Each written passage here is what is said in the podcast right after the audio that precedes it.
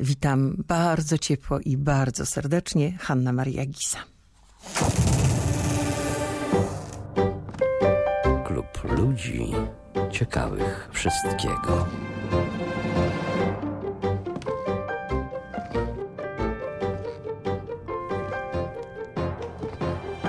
Kilka dni temu w Sztokholmie Nagrodę Nobla odebrali najwybitniejsi naukowcy roku 2015, także fizycy. My jednak cofnijmy się do roku 1933, kiedy laureatem Nagrody Nobla został najmłodszy naukowiec, zaledwie 31-letni Paul Dirac, nazywany niekiedy brytyjskim Einsteinem. Akademicy sztokholmscy przyznali mu to zaszczytne wyróżnienie za zadziwiające odkrycie antymaterii i współodkrycie mechaniki y, kwantowej. Odkrycie zadziwiające, ale też człowiek przedziwny, jak określił go Niels Bohr. Będąc niewrażliwym, traktującym wszystko dosłownie, mrukiem, być może dotkniętym autyzmem, Dirac był również kochającym ojcem rodziny i absolutnie lojalnym przyjacielem. Publicznie zdawał się interesować wyłącznie nauką, lecz prywatnie Miał bardzo szerokie spektrum zainteresowań, od Beethovena, Chopina i Rembrandta do myszki Miki i Sher. Proszę Państwa, nakładem wydawnictwa Copernicus Center Press ukazała się właśnie fascynująca, mówię to z całą odpowiedzialnością, parę nocy straciłam, biografia wybitnego fizyka teoretycznego autorstwa Grahama Farmelo pod tytułem Przedziwny człowiek – Sekretne życie Paula Diraca, geniusza mechaniki kwantowej. I wydawnictwo Copernicus Press, Copernicus Center Press przeznaczyło dla słuchaczy Klubu Ludzi Ciekawych Wszystkiego sześć egzemplarzy pod choinkę. A ze mną są goście. W Warszawie w studiu dwójki profesor doktor habilitowany Krzysztof Meissner, fizyk, teoretyk, specjalista w zakresie teorii cząstek elementarnych, Pracuje w Katedrze Teorii Cząstek i Oddziaływań Elementarnych Instytutu Fizyki Teoretycznej Wydziału Fizyki Uniwersytetu Warszawskiego. Witam pana. Witam panią, witam państwa. A w Krakowie w studiu Radia Kraków dr Tomasz Lanczewski, doktor nauk fizycznych z Instytutu Fizyki Jądrowej Polskiej Akademii Nauk, specjalizacja teoria względności i astrofizyka, tłumacz książek naukowych i popularno-naukowych, między innymi tej znakomitej biografii Diraka. Witam bardzo serdecznie, panie doktorze. E, witam panią redaktor, witam pana profesora, witam również wszystkich słuchaczy. No to już jesteśmy w komplecie. Przypomnę jaki jest telefon do nas 22 645 22 22. Za pół godziny wydawca Klubu Ludzi Ciekawych Wszystkiego, czyli Krzysztof Jakubowski będzie łączył państwa telefony. Poczta czynna, widzę, że już są maile. Hmm klcw.polskieradio.pl Uśmiechnęłam się, bo pani Elżbieta Krzeszczak już z życzeniami świątecznymi i oczywiście z informacją, że umyła okna, jak zwykle, e, wtedy, kiedy pojawiają się tematy związane z kosmosem, z wszechświatem, bądź jakimiś szalenie skomplikowanymi problemami naukowymi. Pozdrawiam serdecznie pani Elżbieto. Jeden, aha, program realizuje Alina Benkę. Przepraszam, zapomniałabym o Alinie jeden z najwybitniejszych pionierów mechaniki kwantowej, czyli współczesnej teorii atomów, molekuł i ich składników, był chorobliwie szczupły, zgarbiony, niedbale ubrany w koszulę rozpiętą, rozchełstaną pod szyją i starą parę spodni. Prawie w ogóle się nie odzywał. Abnegat i mruk geniuszem. Kim naprawdę był Paul Dirac? Pytam, zwracam się z tym pytaniem do pana Tomasza Lanczewskiego, który znakomicie przetłumaczył tę biografię. Pani redaktor, bardzo dziękuję za te miłe słowa. Kim w zasadzie był mm, Paul Dirac? Krótko można powiedzieć y, tak. Był to mm, geniusz wśród geniuszy. I nie tylko, jeżeli mm, mówimy tutaj o fizyce, y, to nie tylko y, chodzi mm, o to, że mm, rzeczywiście dzięki niemu tak naprawdę powstała mechanika kwantowa. Był on ojcem mechaniki kwantowej, ale również dał, dał się też poznać na wielu innych polach fizyki. Panie ja doktorze, tak- przepraszam, czy możemy wszystkie sprawy związane e, z polami fizyki, z nauką, z badaniami prowadzonymi zostawić e, na parę minut jeszcze? Powiedzmy może o samym człowieku, kim on był. Bo to jest niezwykle istotne i miało moim zdaniem ogromny wpływ na to, co robił w życiu. Mm, Tak, no y, wiemy wszyscy bardzo dobrze, że środowisko fizyków, teoretyków szczególnie, jest środowiskiem ludzi mm, dziwnych. Y, Natomiast wśród tych dziwnych ludzi y, Paul Dirac był absolutnym, ab- absolutnie mm, przedziwny. Wydaje A mi się, że na czym polegała to... ta jego przedziwność, poza tym, że był abnegatem i mrukiem? Em, Powiem tak, że generalnie mm, całe jego życie mm, było tak naprawdę dla, dla nas, dla normalnych ludzi, y, jedną wielką zagadką, ze względu na to, że zachowywał się po prostu niezwykle. Y, Wynikało to z tego prawdopodobnie, że został wychowany w takiej, można powiedzieć, dysfunkcyjnej rodzinie. I em, wynikało to z tego, że e, jako młody człowiek e, jego ojciec zmuszał go mm, do mówienia po francusku, ponieważ Z czym miał e, kłopoty? Paul? z- y, Tak, miał on bardzo duże kłopoty z tym językiem francuskim, gdyż nie był y, jakoś szczególnie utalentowany językowo. I ym, jego ojciec aranżował wszystkie posiłki w następujący sposób. Otóż on siedział sam z Polem w jadalni, Mm, mówiąc tylko i wyłącznie po francusku. Z kolei jego matka e, i jego dwoje, e, dwoje rodzeństwo, czyli Felix i Betty, siedzieli e, w kuchni i tam spożywali mm, posiłek. E, Mówiąc tylko i wyłącznie po angielsku. Także e, nawet była taka anegdota, że e, jeden z jego kolegów szkolnych mówił, że kiedy Dirac był dzieckiem, uważał, że mm, mężczyźni mówią innym językiem niż kobiety. Czyli mężczyźni po francusku, kobiety po angielsku. Tak jest. Tak, to, to, tak. to zabawna dykteryjka. Tak. Biograf, I, y, tak? I.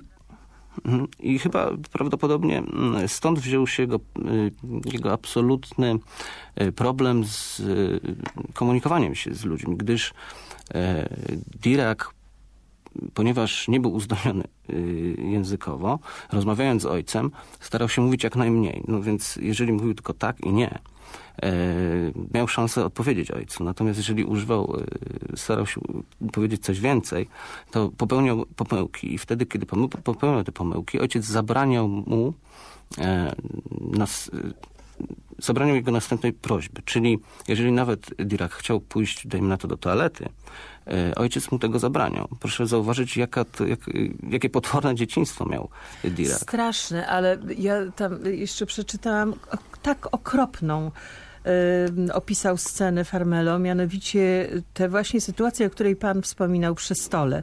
Otóż jako dziecko, potem zdaje się, że przez całe życie miał problemy Dirac z trawieniem. I ojciec nie pozwalał mu w ramach kary wstać od stołu. I on siedząc przy stole wymiotował. To okropne, co ja państwu teraz mówię. Ale takie było dzieciństwo geniusza. E, On dopiero w wieku prawie 70 lat zdobył się na zwierzenie. E, Powiedział w dzieciństwie nigdy nie zaznałem miłości ani czułości.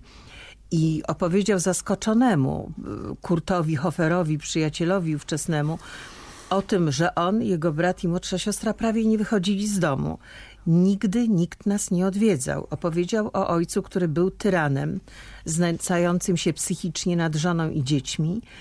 Yy, Odkąd okazało się, że nie potrafię wyrażać swoich myśli po francusku, lepiej dla mnie było milczeć. I milczał. E, Czy Dirac miał obsesję na temat swego ojca? Czy rzeczywiście ta ciężka trauma dzieciństwa zaburzyła cały świat jego emocji? Bo on był wyraźnie zaburzony emocjonalnie przez całe życie. Panie profesorze. Y, Znaczy, nie, nie, nie, nie spotkałem nigdy w życiu Diraka y, samego. Miałem to szczęście, że poznałem jego żonę, która wręczała mi kiedyś jakąś nagrodę w O. Ericze w, na Sycylii. Mm, W roku to było chyba 86 czy 87. Także panią, panią Dirac, która była siostrą zresztą e, Wignera, czyli bardzo słynnego fizyka i matematyka pochodzenia węgierskiego. E, poznałem, także miałem to szczęście no, 30 lat temu poznać panią, panią, panią Dirac. Otóż e, czy to miało wpływ? No na pewno no, nasze dzieciństwo ma wpływ na bardzo wiele rzeczy, no, tylko trudno to powiedzmy, powiedzieć w jakim stopniu, ponieważ nie ma drugiej osoby, która miała powiedzmy mniej takie, takie dzieciństwo, powiedzmy w, w towarzystwie ojca, który jest, który tak od niego wiele wymagał. E, Ale na pewno to był naj, no jeden z największych, według mnie drugi po Einsteinie, geniusz y, w fizyce. Em, Nie tylko dwudziestowiecznej, również wcześniejszej. E, To można by naprawdę długo opowiadać same, same pojęcia, które on wprowadził. Czy, To czy będziemy za chwilę też E, opowiadać. Natomiast, natomiast y, to y, myślę, że on po prostu był zamknięty w swoim świecie. Znaczy, znam ludzi, którzy jego spotkali.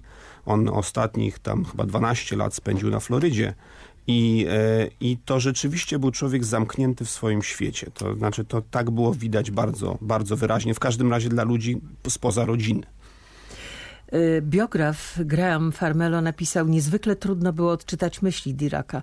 Zazwyczaj miał puste spojrzenie, bądź na jego twarzy gościł słaby uśmiech bez względu na to, czy dokonywał postępów w jednym ze swoich problemów naukowych, czy też był przygnębiony ich brakiem.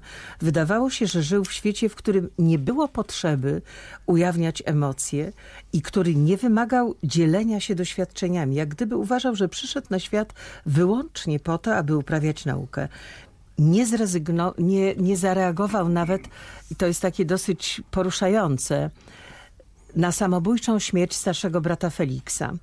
Być może miał poczucie winy, a być może był to przejaw autyzmu, który też y, Farmelo próbuje udowodnić w tej biografii.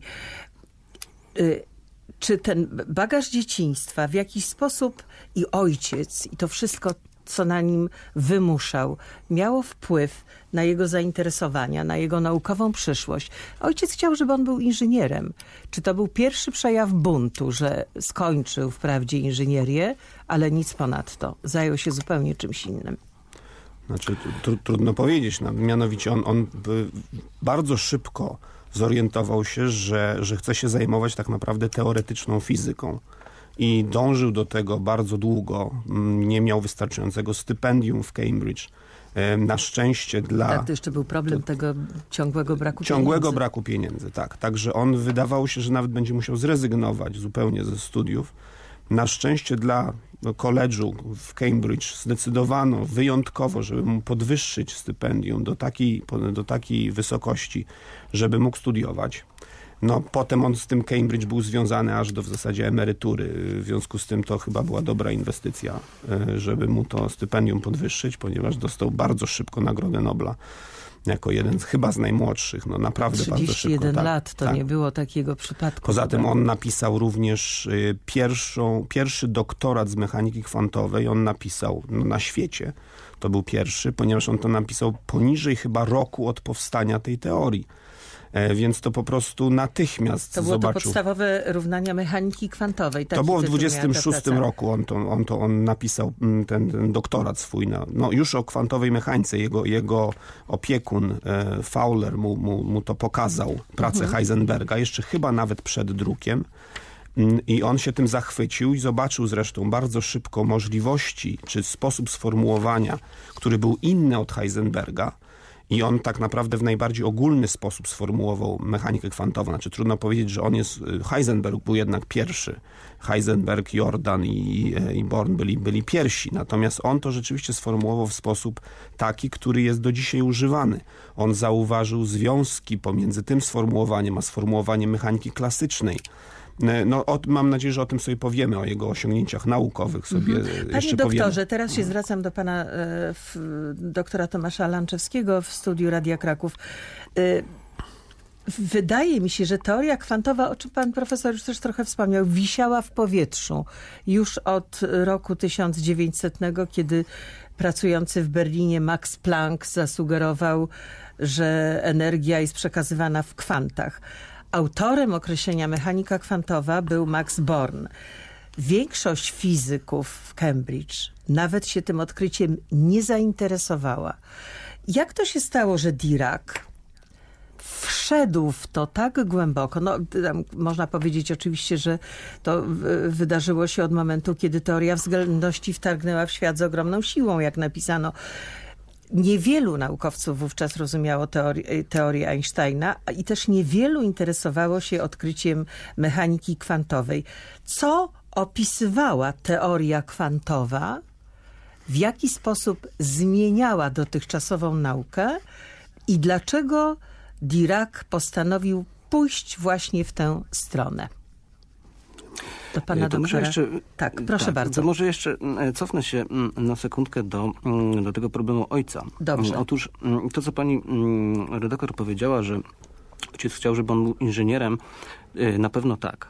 Dlatego, że w ten czas y, człowiek, który był inżynierem, był niejako... No, te, była, była to dobra, dobra branża. E, wtedy e, przemysł lotniczy szczególnie rozwijał się w, w okolicach Bristolu. Więc, e, więc ludzie młodzi mogli tam znaleźć zatrudnienie. Natomiast proszę zauważyć jedną rzecz, że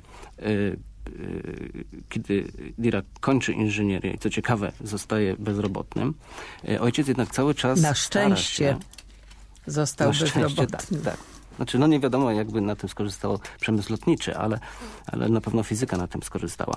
Y, natomiast y, ojciec y, Diraka przez dwa lata stara się o to, żeby, mm, żeby jego syn znalazł swoje miejsce w Cambridge. To nie mhm. było tak, że ojciec powiedział po prostu, słuchaj, Paul, skończyłeś studia, to teraz y, idź, rób co chcesz. Nie, ojciec przez dwa lata mm, pisał i starał się to stypendium, o którym pan profesor powiedział, dla niego znaleźć. I w końcu udało się oczywiście jeszcze tam z wydatną pomocą innych, innych osób. A teraz y, wracając do mm, pani pytania, odnośnie tego, czemu, czemu zainteresował się teorią kwantową.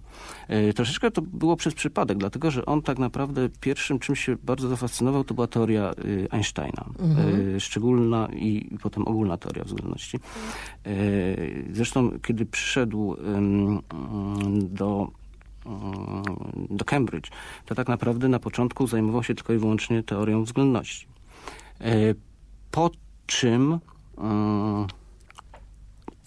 pewnego dnia, e, bodajże w 1925 roku, e, dostał rękopis e, pierwszej publikacji Heisenberga. To, o czym pan profesor tak mówił, tak, tak? Tak jest. I na początku szczególnie się tym nie zainteresował. Dopiero po jakimś czasie mm, zauważył, że tą teorię będzie można w piękny sposób przedstawić za pomocą y, pewnych wielkości, które on tam wcześniej, y, wcześniej y, poznawał, studiując jeszcze matematykę.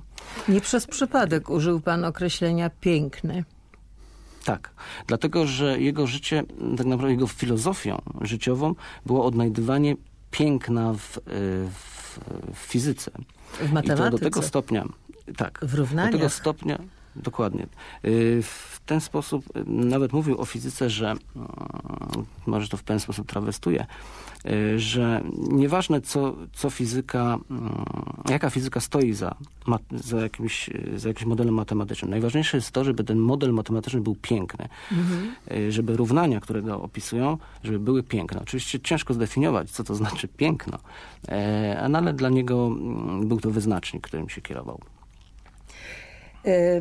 Wracając jeszcze do mechaniki kwantowej, Albert Einstein, geniusz ówczesny, w Boże Narodzenie 1925 roku napisał do przyjaciela, że wydaje mu się nieprawdopodobne, by coś tak prostego jak liczba reprezentująca położenie cząsteczki kwantowej musiała być zastąpiona, cytuję, prawdziwie czarnoksięską tabliczką mnożenia. Dlaczego Albert Einstein traktował mechanikę kwantową z tak wielką podejrzliwością, panie profesorze? No więc on do końca życia był podejrzliwy. Zresztą warto tutaj przytoczyć y, rzadko y, przytaczane słowa, słowa samego Diraka, który sam który powiedział, że mechanika kwantowa nie jest teorią kompletną. Pod, pod, koniec życia tak stwierdził, mimo że sam przyczynił się walnie do jej rozwoju, zarówno do mechaniki kwantowej, jak i później kwantowej teorii pola. On widział jej niekompletność i my też widzimy tę niekompletność. My nie rozumiemy do końca, mimo do dzisiaj, mimo już 90 lat rozwoju mechaniki kwantowej, nie rozumiemy jej do końca. Nie rozumiemy na przykład procesu pomiaru. I dotyczy tak właśnie te zastrzeżenia Einsteina i potem stwierdzenie Diraka dotyczą tegoż procesu pomiaru, który jest nieopisywany de facto przez mechanikę kwantową do dzisiaj. To jest to słynne zdanie Einsteina, Bóg nie gra z wszechświatem w kości. Mm -hmm. To są te właśnie wyniki pomiarów. Także Einstein, to jest paradoks Einsteina, Podolskiego, Rozena, te paradoksy, one wołają, czy, czy, czy, czy, czy domagają się E, lepszego zrozumienia mechaniki kwantowej, którego do dzisiaj nie ma. Także tutaj warto podkreślić, że to jest teoria, którą, którą potrafimy świetnie operować, doskonale obliczać różne procesy, ale której do końca nie rozumiemy. To znaczy nie potrafimy jej e, znaczy różnych rzeczy twierdzimy, że nie potrafimy tego przewidzieć. No bo ciągle jest w niej jakaś tajemnica. Jest nie taka tajemnica i przeciwko tej tajemnicy buntował się Einstein przede wszystkim. I tej tajemnicy dotyczą słowa Diraka, że ona jest niekompletna, że czegoś tutaj nie rozumiemy. Także y, on wprowadził zresztą bardzo piękny model e, w 1933 roku, tak zwanych całek po trajektoriach, który został rozwinięty później przez, przez Feynmana do końca w 1948 roku. Ale to jest model niezwykle odległy od, naszego, od naszej codziennej rzeczywistości, czy naszego codziennego doświadczenia. Mianowicie to jest, to jest stwierdzenie, na które Dirac wpadł, e, zupełnie wydaje się absurdalne, że jeżeli mamy, nie wiem, kulkę gdzieś na początku stołu i kulkę, która potem przetoczy się na koniec stołu, to ona tak naprawdę próbkowała wszystkie możliwe trajektorie. My widzimy de facto tę, którą pokonała, po linii prostej tam się stoczyła. Natomiast Dirac wprowadził zresztą to było niezwykle płodne i do dzisiaj jest używane, że ona próbkuje wszystkie możliwe trajektorie, również do końca stołu i z powrotem, ponad stół i z powrotem, wszystko próbkuje, natomiast my tego nie widzimy, ponieważ ta trajektoria, którą widzimy jest trajektorią dającą największy wkład do przejścia z punktu A do B. To wydaje się absurdalne, ale dokładnie tak rozumiemy teraz mechanikę kwantową. Znaczy, też nie do końca, jak, jak powiedziałem, ale tak rozumiemy i to okazało się niezwykle płodne. To do dzisiaj jest używany obraz mhm. tego, że nie ma jedno, jednej trajektorii cząstki, jak sobie zawsze wyobrażamy, tylko cząstka z punktu A do B sprawdza wszystko, natomiast tak naprawdę wybiera najbardziej prawdopodobną trajektorię. To jest fascynujący mhm. obraz.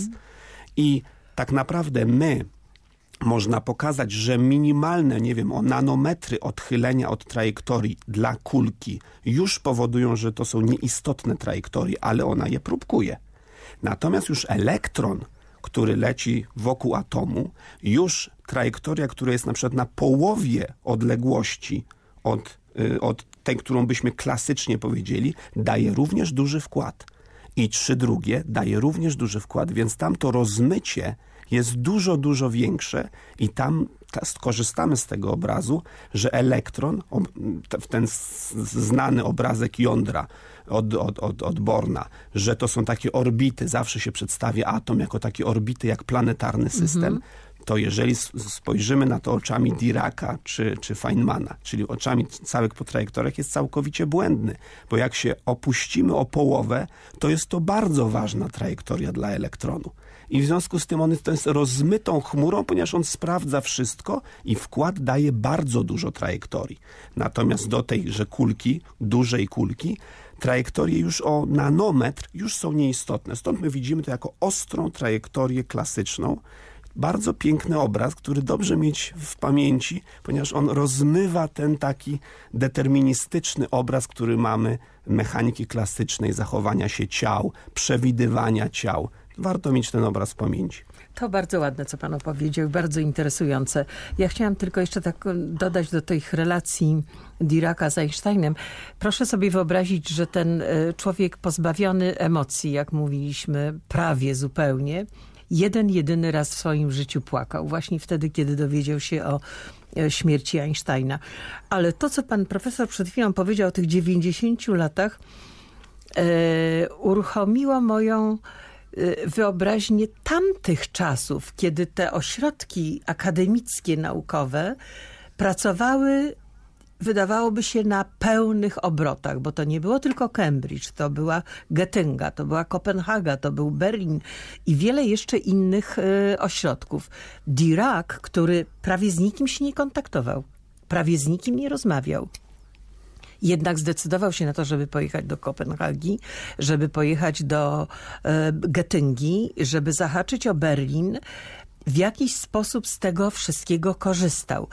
Mimo że jak sobie wyobrażam, że niełatwo było być naukowcem w tamtych niesamowitych czasach, kiedy e, e, w nauce się gotowało, szczególnie właśnie w fizyce, bulgotało wszystko jak w wulkanie, który co chwila wybuchał nowym odkryciem. Przecież takie, takie mm, skumulowanie wielkich umysłów, naukowych w jednym stosunkowo krótkim czasie.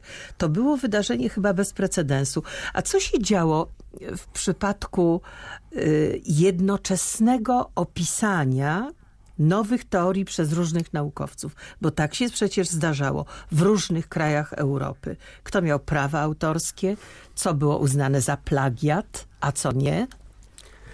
E, to więc tak, e, rzeczywiście mechanika kwantowa jako pierwsza została sformułowana przez Heisenberga, Jordana i Borna w tej, w tej pracy, o której, o której mówimy tutaj.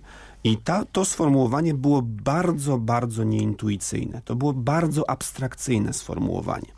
I to Dirac zobaczył, to, y, że to jest bardzo abstrakcyjne sformułowanie. Dopiero rok później, w 26 roku, pojawiła się praca Schrödingera ze swoim słynnym równaniem Schrödingera, które opisywało mechanikę kwantową, wydawało się za pomocą zupełnie innego obiektu, tam to były tak zwane komutatory i operatory, a to był funkcja falowa, która opisywała właśnie to, o czym przed chwilą mówiłem. To rozmycie tych trajektorii opisuje funkcja falowa.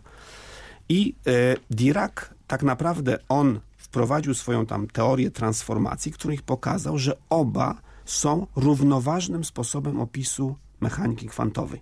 To był niezwykle ważny wynik, ponieważ myślano, że są dwie mechaniki kwantowe, operujące zupełnie innymi obiektami, zupełnie innymi relacjami. No, dają te same wyniki, wydaje się, ale dlaczego one dają te same wyniki? Otóż właśnie Dirac w takim bardzo ogólnym sformułowaniu mechaniki kwantowej pokazał, że to są równoważne sformułowania i do dzisiaj prawda, do studentom się to zadaje, żeby pokazali równoważność sformułowania operatorowego Heisenberga ze sformułowaniem E, falowym Schrödingera. Także to, to, to, to było, y, on zobaczył zresztą w zupełnie innym świetle te, te równania Heisenberga, dlatego że on, wydaje się, bardzo dobrze znał mechanikę klasyczną mechanikę klasyczną, która sformułowana została, no powiedzmy w XIX wieku, z niezwykle piękną matematyką, która do tego była dorobiona. Ludzie naprawdę to byli geniusze matematyczni w XIX wieku, jak Jacobi, jak Riemann, również Gauss na początku. Otóż on zobaczył Poisson, tak zwane nawiasy Poissona, do dzisiaj używane.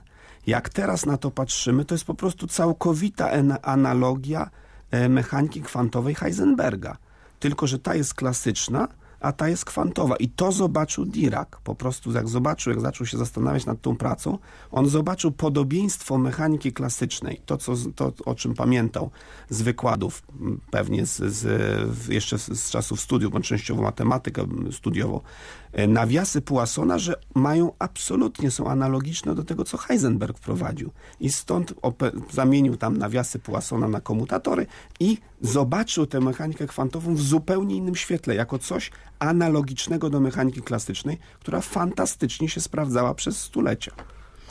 Proszę Państwa, za Może chwilę... ja wrócę do... e, Za moment, Panie doktorze, Mhm. przepraszam. E, Za chwilę będziemy już łączyć Państwa telefony, jeśli mają Państwo ochotę rozmawiać e, na temat, wydawałoby się trudny, ale jednak fascynujący z naszymi gośćmi. Przypomnę, ze mną w studiu jest profesor doktor habilitowany Krzysztof Meisner, a w studiu Radia Kraków dr Tomasz Lanczewski. Telefon 22 645 22 22, poczta czynna klcw at polskieradio.pl. Za chwilę też przeczytam pytania, które mailem Państwo wysłali. A teraz bardzo proszę pan dr Tomasz Lanczewski. Właśnie jeszcze chciałem y, wrócić do tego pytania, które pani mm, y, była uprzejma zadać. Y, Jak to było w tym czasie, że tak ty- tyle y, wspaniałych teorii powstawało i, i, i czy to się... I że się ujawniło do- tyle y, talentów Dokładnie, naukowych, Dokładnie tak. geniuszy. Y, Nawet pozwoliłem sobie taką dyskusję prowadzić z autorem, z Grahamem Farmelo a propos tego. Zauważmy, że mm, prawdopodobnie miała na to wpływ edukacja na tym podstawowym poziomie. Dirac był... mm, Dirac trafił do szkoły, która się nazywała Szkoła mm, Wspólników Kupieckich. To była jedna z najlepszych szkół w, w, w, średnich w, w Wielkiej Brytanii. Y, I mm, proszę też zauważyć analogię taką, y, w tamtych czasach również w Polsce y, były świetne ośrodki, szczególnie matematyczne. W, tym, w tych czasach właśnie powstawała szkoła lwowska.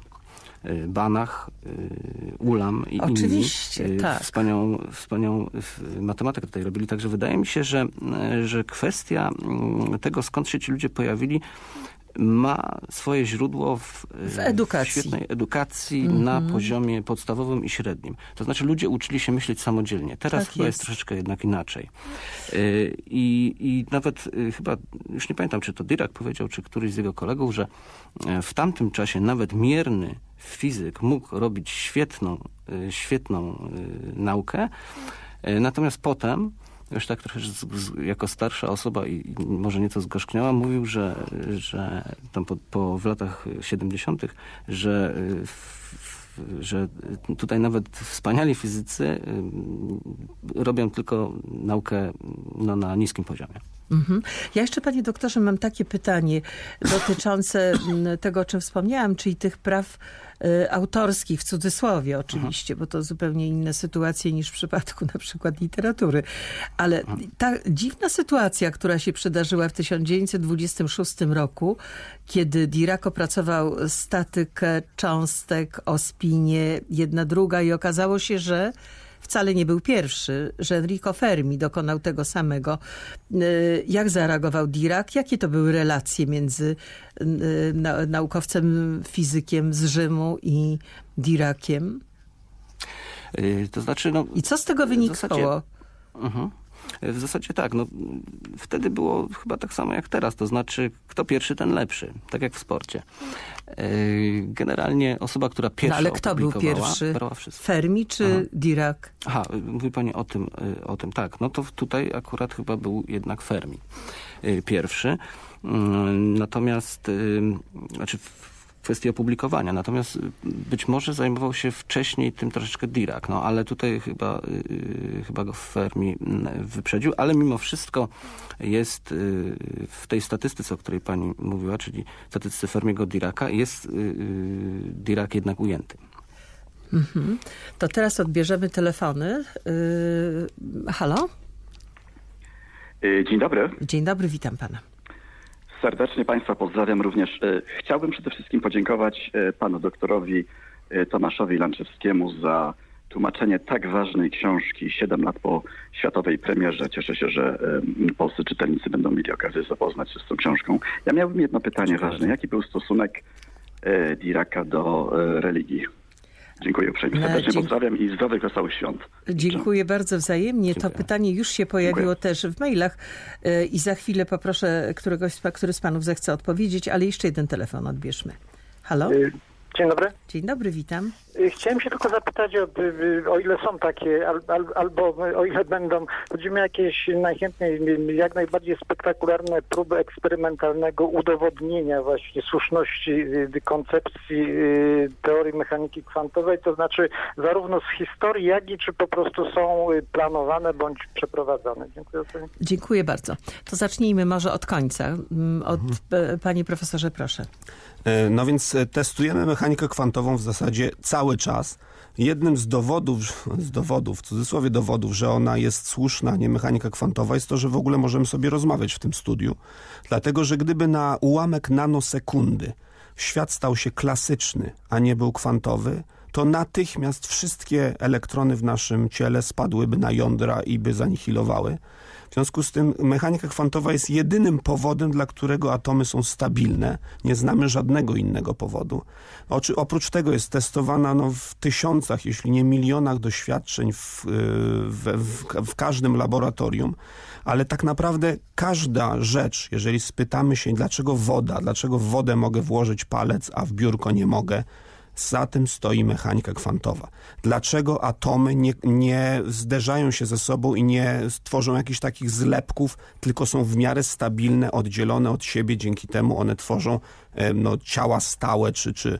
Dlatego, że jest zakaz Pauliego, który jest tuż jeszcze przed Ferm, statystyką Fermiego Diraka, był Pauli, który zaproponował zakaz Pauliego w To 25 nie bardzo się roku. panowie lubili zresztą. E, tak, ale no, powiedzmy, za tym stoi mechanika kwantowa, w szczególności równanie Diraka stoi właśnie, o którym może jeszcze się uda nam coś powiedzieć. E, równanie Diraka za tym stoi. Także mechanika kwantowa jest sprawdzana cały czas, znaczy nie mamy żadnego innego wyjaśnienia tego, że mamy stabilną materię wokół nas, że no, to są, to cały czas to sprawdzamy, już nie mówiąc o e, dedykowanych doświadczeniach, które cały czas potwierdzają mechanikę kwantową. To, że jej nie rozumiemy, to nie znaczy, że nie możemy, że nie umiemy jej stosować. Stosujemy ją. To jest myśl, znaczy namysł nad tym, co ona znaczy i jak ją można zrozumieć. Po wielu, wielu latach, czy też dziesięcioleciach Feynman po, powiedział shut up and calculate czyli wiadomo, co to znaczy, i żeby po prostu się nie zastanawiać, policzyć, wy, do, doświadczenie potwierdzi to, co policzyliśmy, natomiast nie będziemy do końca rozumieć, dlaczego tak jest. Panie doktorze, teraz stosunek Diraka do religii. Ja tu jeszcze widzę pytanie pana Przemka z Wrocławia. y, też o poglądy Diraka na religię. Zbieżne z Einsteinem, Dawkinsem czy Lemem? To znaczy tak, no może zacznijmy od samego początku.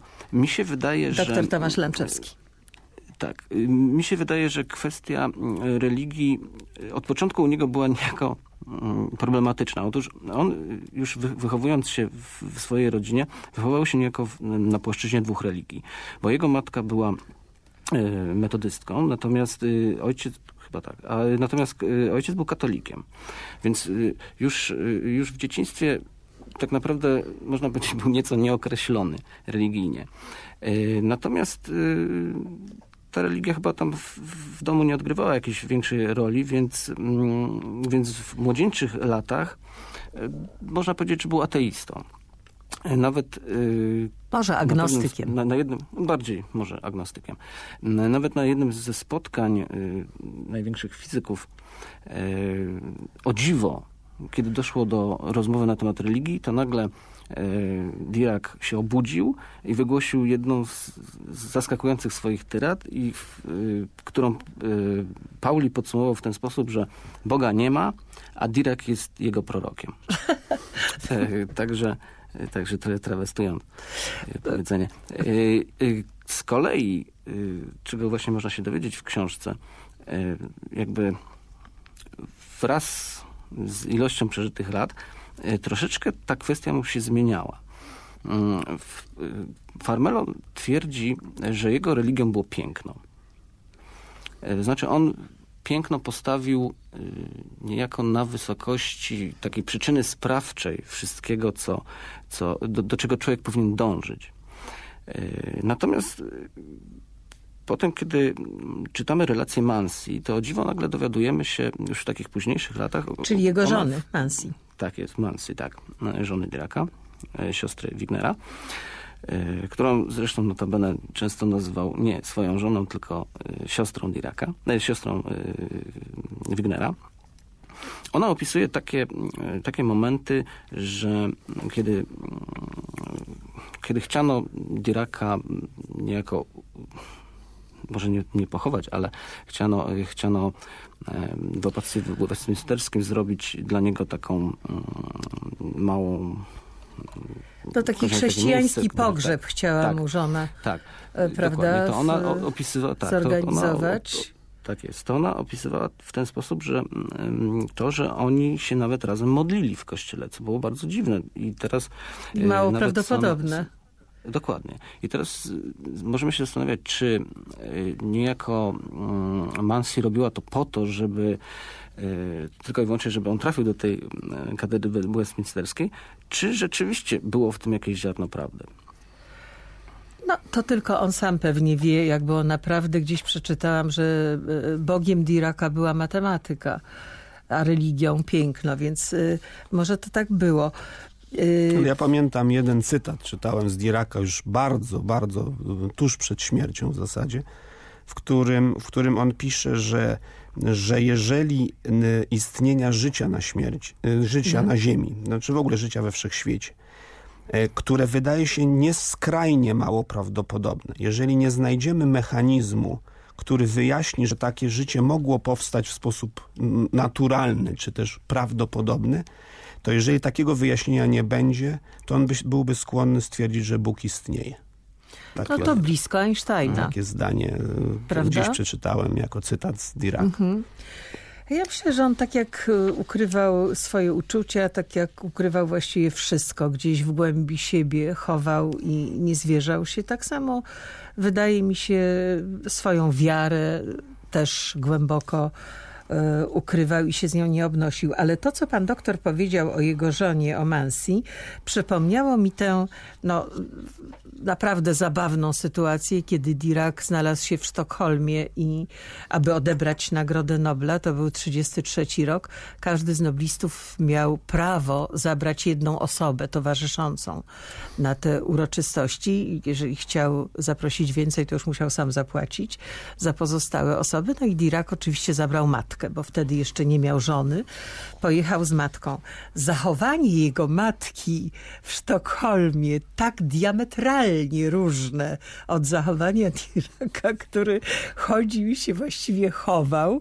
Natomiast mama błyszczała, udzielała wywiadów, chciała bardzo być obecna i e, publicznie, i towarzysko, i wszędzie. To też pokazuje, e, to, to samo zro, robiła Mansi, jego żona. Przecież ta cała historia z tą tablicą, tablicą w Westminsterze, żeby na wieki wieków tablica Diraka tam zawisła i te jej zabiegi o to, żeby udowodnić, że był ochrzczony, że wierzył w Boga, że właśnie chodził i modlił się z nią razem w kościele, to właśnie pokazuje, jakimi był otoczony kobietami. I to było bardzo, bardzo zabawne. Panie doktorze, co pan myśli o tej sytuacji w Sztokholmie? No tak, no to była rzeczywiście niezwykła, niezwykły pokaz matczynej, nazwijmy to, miłości. A, E, Tylko, że ten, tak, natomiast e, on miał rzeczywiście taki dość, te relacje pomiędzy jego matką a, a nim były, można powiedzieć, patologiczne. E, Co, co najlepiej pokazują listy matki Diraka do, do niego.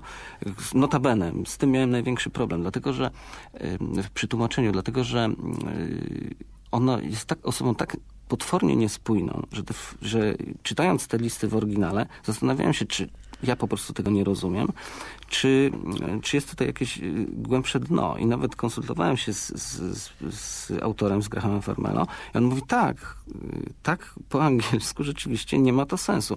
Na przestrzeni trzech zdań ona z, y, tak naprawdę potrafiła rozwijać trzy wątki. Dlatego ja się też nie dziwię, że on odpisując jej w zasadzie często odpisywał trze, sześcioma, siedmioma, ośmioma wyrazami. To znaczy na przykład pogoda jest wspaniała, chodzę na spacery, pozdrawiam wszystkich.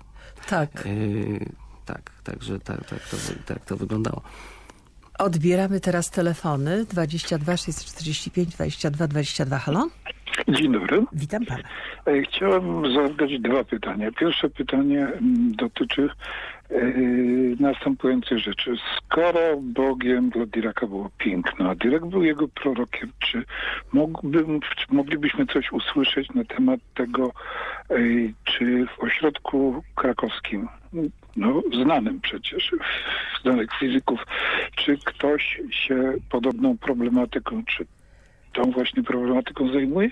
I drugie pytanie dotyczące tego, o czym y, pan przed chwileczką mówił. Czy coś bliżej na temat y, no, tłumaczenia bardzo nie tylko językowo, ale przecież i nazwijmy to umownie technicznie trudnego tekstu, bo no, mówimy o, o teoriach i, i, i mechanice kwantowej, czy coś na ten temat. Dwa słowa jako tłumacz chciałbym coś na ten temat usłyszeć. Dziękuję bardzo. Dziękuję panu bardzo. Ja muszę szybko powiedzieć, że pan Tomasz Lanczewski jest również doktorem nauk fizycznych. tak jak mówiłam na wstępie z Instytutu Fizyki Jądrowej Polskiej Akademii Nauk, więc nie sądzę, żeby miał problemy z tłumaczeniem, ale to za chwilę, za chwilę e, pan pewnie sam e, wyjaśni. Natomiast e, to mm, zdanie Pauliego brzmiało Bóg nie istnieje, ale Dirac jest jego, a Dirac jest jego prorokiem. To tak było dokładnie. Panie doktorze, proszę wobec tego o tym tłumaczeniu kilka słów. Tak. Generalnie trzeba powiedzieć, że Graham Farmelo świetnie tą książkę napisał. Także tutaj jakby z punktu widzenia technicznego nie było mm, żadnych problemów. Y, tym bardziej, że proszę zauważyć, że takie y, kwestie mm, naukowe, które tutaj są. Opisane, one są opisane językiem zrozumiałym dla każdego. To na pewno pani redaktor się To jest wielka wartość, tak. Dokładnie tak. Że proszę zauważyć, nie ma tutaj używanych żadnych wzorów. Jest to opisywane po prostu y, w sposób, który tak naprawdę może trafić do każdego czytelnika. Popularno-naukowy, Więc, nazwijmy to tak. Tak, a nawet popularny w zasadzie. Więc y, problemów tutaj, jak, w zasadzie żadnych problemów nie było. Y, z, z tłumaczeniem. Mm, oczywiście czasami trzeba było po, sprawdzać szczególnie źródła, y, które, na które się tutaj powoływał y, autor. Powiem szczerze, błędów wielkich nie, nie ma w tej książce, więc z, z punktu widzenia takiego jakiegoś logicznego, więc, więc naprawdę mm, problemów z tłumaczeniem nie było absolutnie żadnych. Odbieramy drugi telefon. Halo? Dzień dobry Państwu. Witam Pana. Mam jedno pytanie do Państwa. Jak się nazywała pierwsza praca Diraka na temat mechaniki kwantowej i czy wyprzedzała ona pracę Borna, Jordana, Heisenberga? Dziękuję bardzo. Dziękuję bardzo. Panie doktor, panie profesorze? No nie, nie, nie wyprzedzała. Znaczy Heisenberg był zdecydowanie, to, to, była, to była pierwsza praca na temat mechaniki kwantowej.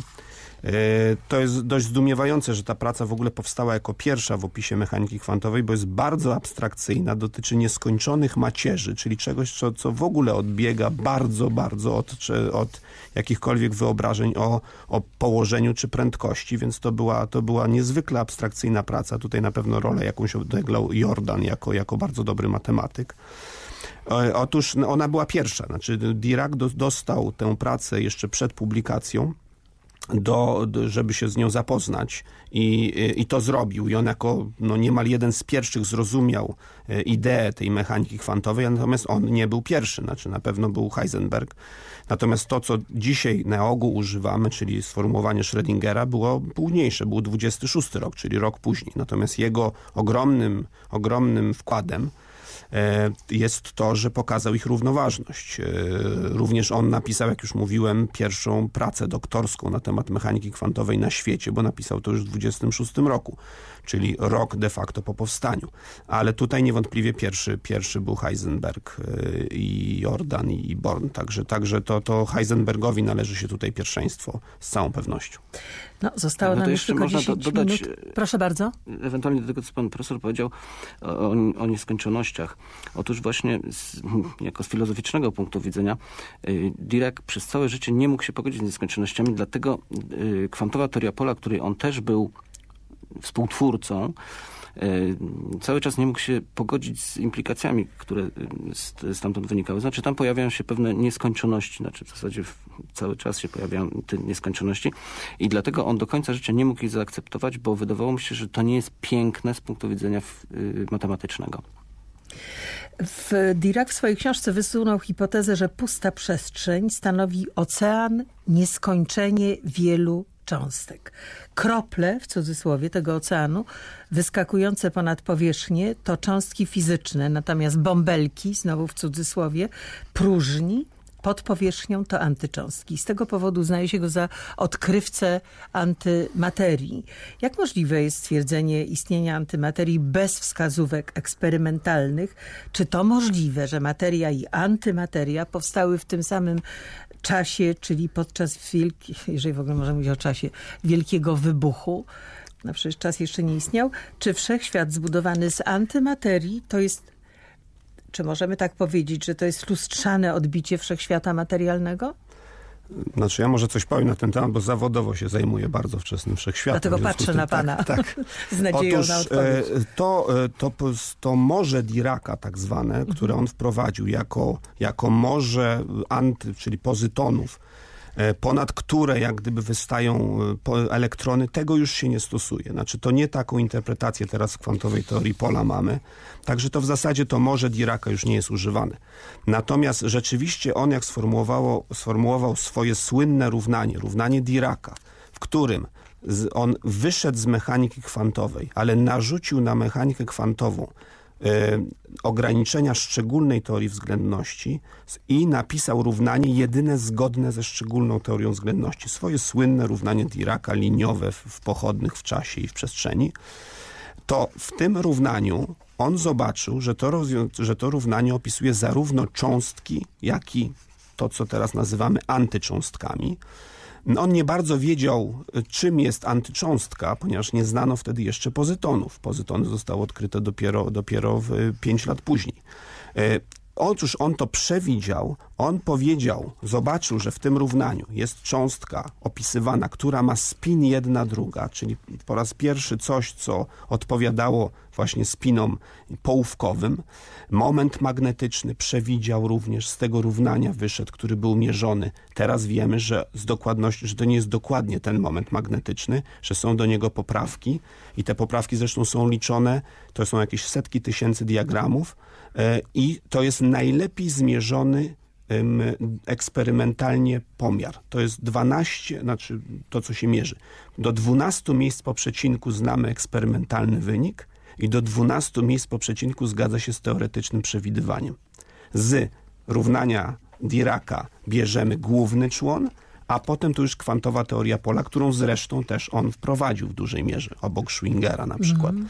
W związku z tym on zobaczył, że tam są te cząstki o ujemnej energii według niego i to byłaby normalnie katastrofa, dlatego że wszystkie cząstki dodatniej energii zamieniałyby się na ujemnej, emitując tą energię. Stąd wprowadził morze wypełnione ujemnymi, bo nie ma dokąd pójść. W związku z tym jest stabilne.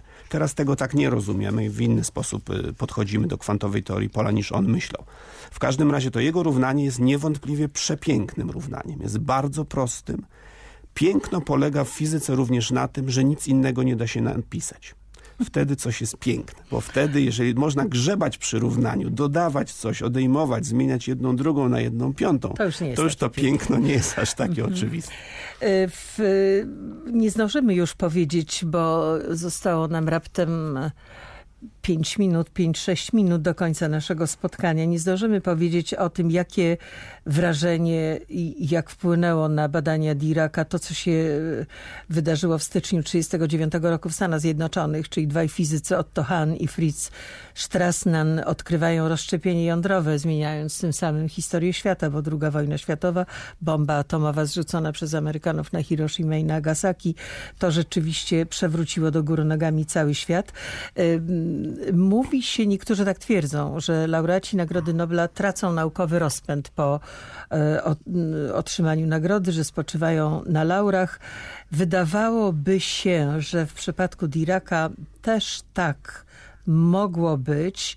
Nie zareagował na pewnie tak jak się niektórzy mogli spodziewać na to, co się w Stanach wydarzyło, chociaż był namawiany, żeby się jakoś tam włączyć w te różne badania, ale Dirac już po bardzo ciężkiej chorobie, której nabawił się w takiej dosyć szalonej podróży, można by dzisiaj powiedzieć dookoła świata, ogłosił nową teorię, która sugerowała, że na podstawowym poziomie wszechświat może składać się z cząstek w postaci, właśnie nie może wróć, że wszechświat nie może składać się z cząstek w postaci punktu, lecz z maleńkich, jednowymiarowych obiektów, które nazwał strunami. Czy teoria strun jest kwantową teorią grawitacji? Znaczy, zajmowałem się 15 lat teorią strun, także, także jak gdyby tu mogę coś, coś na ten temat powiedzieć. Od razu mówię, że krytykiem teorii strun jest Sir Roger Penrose. Tak jest, z którym współpracuję od, od kilku lat. Który był w Polsce. Tak, tak, tak, właśnie, był na moje zaproszenie zresztą. Mhm. Otóż e, to nie, jest, to nie jest dokładnie to, o czym Dirac myślił. To nie jest ta kwantowa teoria. Ta teoria strun, o której teraz mówimy, wzięła się z pięknego wzoru, który napisał Gabriele Veneciano w drodze, płynąc w drodze z Hajfy do Rzymu. E, wymyślił wzór, który miał bardzo piękne własności, natomiast nie wiadomo skąd pochodził. Natomiast dopiero kilka lat później Nambu pokazał, że jest to kwantowa teoria rzeczywiście jednowymiarowych obiektów, ale nie odwoływano się w tym kontekście do, bezpośrednio do, do, do koncepcji Diraca. E, także to jest trochę e, struna Diraca. Istnieje coś takiego jak struna Diraca, ale związana jest z kolejnym obiektem, który Dirac wprowadził, tak zwanym monopolem magnetycznym, których nie widzimy, poszukujemy cały czas we wszechświecie monopoli magnetycznych nie znaleziono do tej pory, ale to był on, który zauważył, że takie monopole w analogii do ładunków elektrycznych, że są monopole magnetyczne, ale ich do tej pory nie znamy. Z Dirakiem, z nazwiskiem Diraka wiąże się mnóstwo rzeczy. No, wiąże się na przykład tak zwana notacja Diraka, ponieważ po angielsku nawias to jest bracket, to on wprowadził notację bra i ket i którą się absolutnie wszędzie stosuje, tą notację w, w mechanice kwantowej i w kwantowej teorii pola zresztą. Operator, y, są macierze Diraca, te, których użył w równaniu Diraca. Operator Diraca. Także to był niebywale płodny, płodny człowiek, który no, widział naprawdę, był, to był wizjoner fizyki e, i e, jak mówię, cały czas zostaje nam w tym jego testamencie, zarówno po Einsteinie, jak i po Diracu, zrozumieć mechanikę kwantową. Tak naprawdę według mnie to nie jest tak, bo mamy wielki kłopot z tymi dwiema największymi teoriami XX wieku, z mechaniką kwantową i ogólną teorią względności, że one się nie widzą. To znaczy, że mechanika kwantowa nie potrafi wchłonąć grawitacji, a grawitacja pozostaje klasyczna nie widzi mechanikę kwantową. No teoria strun była po to, żeby jak gdyby je połączyć. wreszcie ze sobą połączyć. Mhm. Nie do końca wydaje mi się jest to udane. Ona jest za mało szalona. Ona powinna być coś jeszcze bardziej szalonego niż teoria strun, żeby te dwie największe teorie, ponieważ nie można zgubić piękna ogólnej teorii względności, która w moim przekonaniu jest najpiękniejszą teorią fizyczną, jest ogólna teoria względności, równania Einsteina. To jest, to jest, to jest ekstatyczne piękno tak naprawdę i mechanika kwantowa, która, która spowodowała, że świat jest przepiękny, nietrywialny, niedeterministyczny, naprawdę jest radykalnie ciekawszy. Czekamy na to, żeby to połączyć. Musimy kończyć nasze spotkanie. Paul Dirac zmarł w wieku 82 lat w stolicy stanu Floryda, Tallahassee. Niels Bohr powiedział tak, oto Dirac był prawdopodobnie najbardziej niezwykłym naukowym umysłem, który pojawia się raz na bardzo długi czas oraz absolutnym geniuszem logiki. Proszę Państwa, obiecałam, y, wydawnictwo y, Copernicus Center Press przeznaczyło sześć egzemplarzy fascynującej biografii wybitnego fizyka teoretycznego, przedziwny człowiek, sekretne życie Pola Diraca, geniusza mechaniki kwantowej w tłumaczeniu naszego gościa doktora Tomasza Lanczewskiego. I teraz zamykam oczy i, i losuję. Spośród tych państw, e, spośród maili wybieram jest pan Tomasz Bal z Mielca, to jest jeden. Drugi egzemplarz pani Bogna. Pani Bogna y, z Bydgoszczy. Trzeci egzemplarz pan Krzysztof Biernat. Panie Krzysztofie, proszę o adres, bo nie ma. I teraz z tych, y, y, spośród osób, które do nas zechciały zadzwonić, przysłał mi Krzyś mailem. Zamykam oczy. Pan Jerzy Fila i pan Wojciech Szereniawski. Zostaje mi jeszcze jeden egzemplarz, a to wobec tego, że jest dużo maili, pan Jacek Kącicki. Też bez adresu proszę o adres. Bardzo dziękuję. Naszymi gośćmi byli profesor doktor habilitowany Krzysztof Meissner i doktor Tomasz Lanczewski w studiu Radia Kraków. Dziękuję panie doktorze. Dziękuję panie Dziękuję pani, profesorze. dziękuję państwu. E, Dziękuję Alina Benke, wydawczyni, Krzysztof Jakubowski, wydawca i Hanna Maria Giza. Dziękujemy, życzymy wspaniałych, pięknych, pięknych świąt i wszystkiego, co najlepsze w nowym roku. My się spotkamy 6 stycznia.